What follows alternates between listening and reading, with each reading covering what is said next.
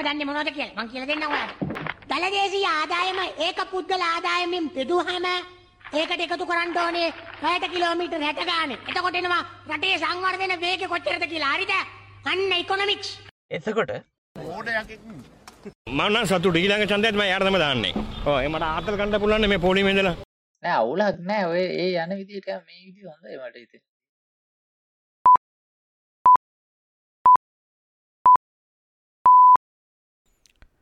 අයිබෝවන් අද දෙදස් විසි දෙකේ ජූනි විසි එක්වනිදා රට කරන හැඩි පොඩ්කාස්ට් එකේ අනු හතරනි කොටසත් එක එකතුන හැමම වෙනද වගේම අදත් ආදරෙන් පිළිගන්නවා. අද පොඩ්කාස්ට් එකෙන් අපි කතා කරන්න හිතුවේ දම්මික පෙරේර පාර්ලිමෙන්තු මන්ත්‍රීවරය කැරීට පාර්ලිමේන්තු එන ඒ ප්‍රවෘතිය ගැන. මේක ඇහුණ හම අපිට ඕනෙම කෙනෙක්ට මුලින් මතක් වෙන්න ඕනෙ කාරණාව තමයි පක්ෂකට හෙමනැත්තං මහමැතිවරණේද අපි චන්දය පාවිච්චි කරනකොට ඒ චන්දය පාවිච්චි කරන්නේ පක්ෂකට සහ අපේක්ෂකයට. අපි අපේ ප්‍රදේශය නියෝජනය කරන අපේක්ෂකයට මනාපයක් දෙනවා සහ පක්ෂයට චන්දයක් දෙනවා. එතකොට ඒ පක්ෂය චන්දය වෙනුවෙන් තමන්ගේ ලයිස්තුවක් ඉදිරිපත් කරනවා. මේ මිනිස්සු තමයි මේ ජාතික ලයිස්තුවෙන් එන මිනිස්සු තමයි අපි පක්ෂයට ලැබෙන චන්දවලින් පාර්ලිමෙන්ති යවන්න කියලා. හැබැයි දම්මික පෙරේර කියල කියන්නේ බැසිල් රාජපක්ෂ වගේම ජාතික ලයිස්තුවේ නමක් නැතුව පිටිං පාර්ලිමෙන්තුවට එන්න උත්සාහ කරන පුද්ගලේ ඒ කියන්නේ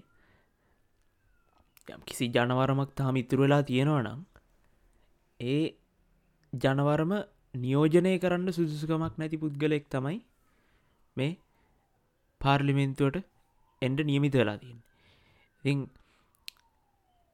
ඒක එහෙම පුද්ගලෙක් පාර්ලිමෙන්තු වෙන එක සම්පූර්ණයම ප්‍රජාතන්ත්‍ර විරෝධී කියන එක තමයි මේ ප්‍රවෘතිය ඇහුණහම අපිට මුලින් මොල්ලුවට ආපුදේ නමුත් ඊටත් වැඩිය තව හිතල බලනකොට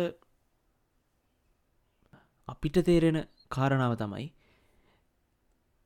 මේ වෙලාවේ මෙහෙම පත්වීමක් කරන එක. දම්මික පෙරේරවාගේ පුද්ගල එක්ක පාර්ලිමෙන්තු එවන එක මිනිස්සු අත්තර ඇතිවෙලා තියෙන ඒ දේශපාලන අවබෝධයට කරන අපහාසයක් කියලා.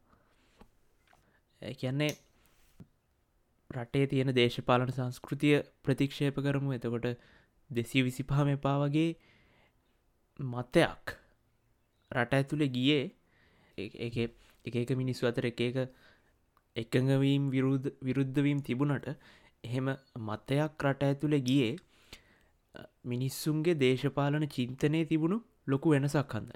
ඇතිවුණු ලොකු වෙනසක් හන්ද?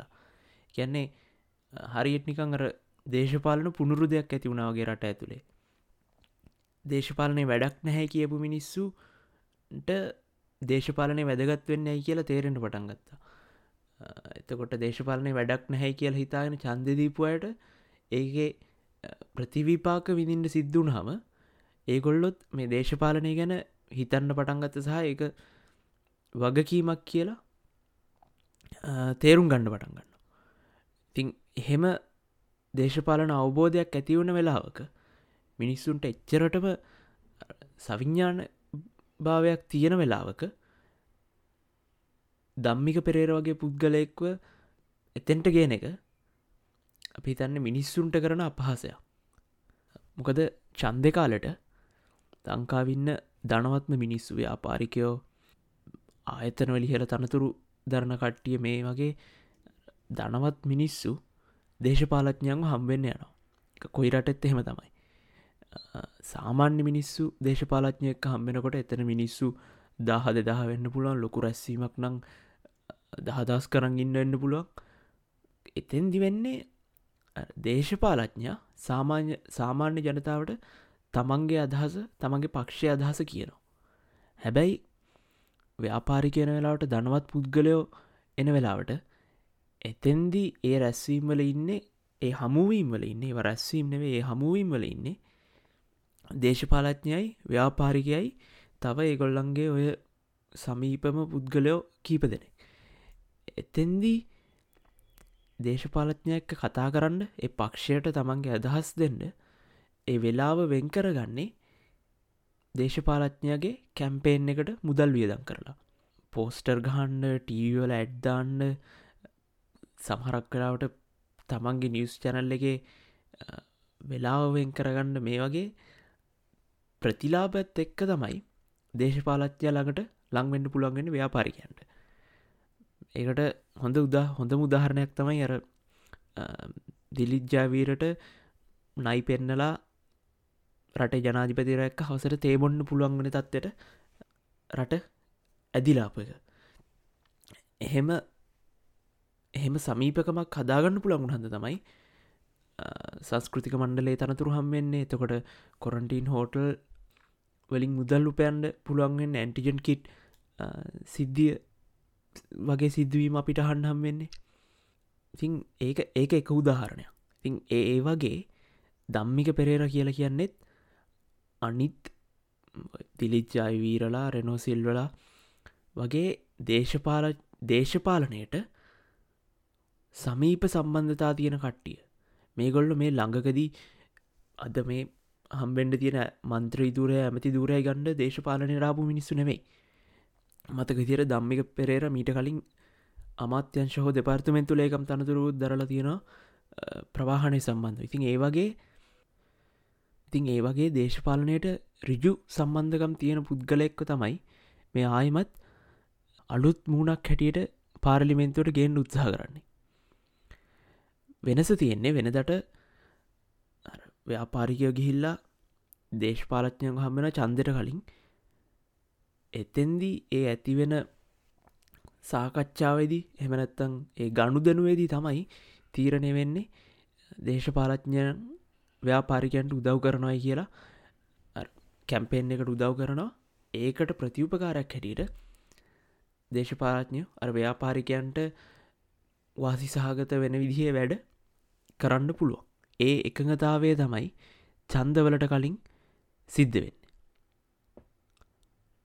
හැබැයි අද ඒ වෙනුවට සල්ලි අරංගිහිල්ල කැම්පේෙන්වලට වියදන් කරන්න පොරොන්දිනවා වෙනුවට ටීව එකේ ගුවන් කාලය ලබා දෙෙන කියන පොරොන්දු වෙනුවට කෙලින්ම රටේ විශාලම ව්‍යාපාරිකාව අපි තෝරල යවනවා ව්‍යස්ථාදායකයට නීති හදන්න තියෙන තැනට.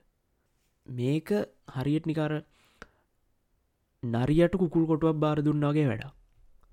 සාමාන්‍යෙන් ව්‍යාපාරිකයෙක්ව රටේ නීති හදන තැනට යවන්නේ නැත්තේ. අංක එක ඒගොල්ලන්ට දේශපාලනය ගැන අවබෝධයක් නැහැ. නමුත් ඊළඟ කාරණාව තමයි තමන්ට තියෙන ව්‍යාපාරයි තමන්ට තියෙන දේශපාලන බලය එක්ක එතන ලබැඳියාවන්ගේ ගැටීමක් සිද්ධවෙන්න පුළුවන් කියන බය. කන්ෆලික්් of ඉන්ට්‍රස් තියෙන්න්න පුළුවන් කියන බය. එහෙම දේවල් ඇතිනොවෙන්න රාජ්‍යසේ වෙත් නීති දිනවා. පෞද්ගලික ආයතන වලත් ඒගොල්ලන්ගේ ව්‍යස්ථාවලත් නීති දිනවා මේ ලැබැදියාවන්ගේ ගැටීම ඇති නොවෙන්න. ඉතිං එච්චර දරුණු එච්චර අවධානමක් තියෙන ප්‍රශ්නයක් ඇතිවෙන්න පුළුවන් අවස්ථාවකත් අපි ප්‍රාදේශි සභාවකටත් නෙමේ පළත් සභාවකටත් නේ කෙලින්ම පාර්ලිමේන්තුවට ඇවල මන්ත්‍රීවරයෙක් විතරක් නෙවෙයි අමාත්‍ය දූරය තියෙන පුද්ගලෙක් බවටම රට ඉන්න ලොකුම් ව්‍යාපාරිකාව පත් කරන. ඇතෙන්දි ජනාධිපතිවරයා රටට ලබා දෙන පණිවිඩේමගත්ද. කෙලින්ම දේශපාලනය මුදලට විකිරෙන එකයි ගැනෙ එලිපිට විකිරෙනවායි කියන එකයි මේ සිද්ධිය අතර තියෙන වෙනස මොකක්ද. ඒ හන්ද තමයි මේ සිද්ධිය මේ ප්‍රවණතාවය රටේ දේශපාලනයට එච්චර යහපත් තීරණයක් නෙවෙයි කියලා අපි හිතන්නේ. මොකද දම්මික පෙරේරට ටිකක් සුභවාදී අනි අනිත් ව්‍යාපාරිකයන්ට සාපේක්ෂව සුභවාදී ප්‍රතිරූපයක් සමාජ ඇතුළ තියෙනවා. හරි. එවනට දැන් දම්මික පෙරේරා යවන එකයි දයාගමක යන එක වෙනසමකක්ද දයාගමගේ පාර්ලිමින්තු හිල්ලා එයාගේ ව්‍යාපාරවලට විශාල නය ප්‍රමාණයක් අරගෙන ඒව බොල්න හැටියට කපාගත්ත කියලා පහුගේ දසල ප්‍රෘතියක් ගිය. දම්මික පෙරේරතින් ඒ වැරද්ද සිද්ධවෙන්නත් පුළුවන්. ඉළඟට දම්මික පෙරේරයන එකයි රෙනෝ සිල්ල පාර්ලිමෙන්තියන එක වෙනසමකක්ද දිලිජ්ජාවීර පාර්ලිමෙන්තියන එක දම්මික පෙරේර පාර්ලිමෙන්තියන එක වෙනසමකක්ද මෙහෙම බලගතු ව්‍යාපාරිකයෝ පාර්ලිමෙන්තුවට ගිහාම ඒගොල්ලන්ගේ අතට අමාත්‍ය දූරාවාම දැන් දම්මික පෙරේරට දෙන්ඩ යෝජනා කරලා තියෙන අමාත්‍ය දුරේ මතක දිට ආයෝජන ප්‍රවර්ධන වගේ අමාත්‍ය දුර එතකොට හෝටල් තියෙන කැසිනෝ තියෙන මනුස්සෙක්ට ආයෝජන සම්බන්ධයෙන් අමාත්‍ය දුරයක් ලබා දුනට පස්සේ එයා තමන්ගේ ව්‍යාපාරවලට අමාත්‍ය මණ්ඩලේ තීරණ හරහා ලාබ වැඩි කරගන්න උත්සාහකරොත් හෙම එතෙන්දි රටේ සාමාන්‍ය ජනතාවටෙන වාසීමකක්ද එතැදි සාමාන්‍ය ජනතාවට ඇතියෙන ප්‍රතිලාබෙමකත් ඉතිං අපි එක පාරක් ඉගෙනගත්ත දෙදස් දහනම ඉදිගෙනගත්තා දේශපාලනය ගැන නොදන්නයි ජනාධිපති නොකළ යුත්තයි කියලා. ඒක තේරුම්ගන්න අපිට අවුරුදු දෙකක් විතර ගිය. ඊළඟට දැන් දෙදස් විසි දෙක අපි ගෙනගන්න හදනවා ඇයි මහා පරිමාණ ව්‍යාපාරිකයෝ රටේ ඉන්න ධනවත්ම මිනිස්සු ව්‍යස්ථාදායකට ඇවිල්ලා කැබිනට් මණ්ඩලට ඇවිල්ලා රටේ වැදගත්ම දේශපාලනික තනතුරු දැරීම විය නොයුත්ති කියලා. ඉතිං ඒ පාඩමත් ඉගෙන ගත්තහම අපි හිතනවා ඒ පැත්තනුත් අපි හොඳට සර්ව සම්පූර්ණ දේශපාලන අවබෝධයක් ලබා ගනී කියලා මේ ව්‍යාපාරිකයෝ දේශපාලනයත් එක්ක මිශ්‍රවීමේ අවධානම ගැන. ඉතින් ඒකත් එක්ක අදට අප අපේ පොඩ්කාස්ට් එකේ අනු හතරනි කොට සවසන් කරන නැවතත් පොඩ්කාස්ට් එක අනු පස්සනි කොටසින් හමනකං හැමෝටම අයිබෝන්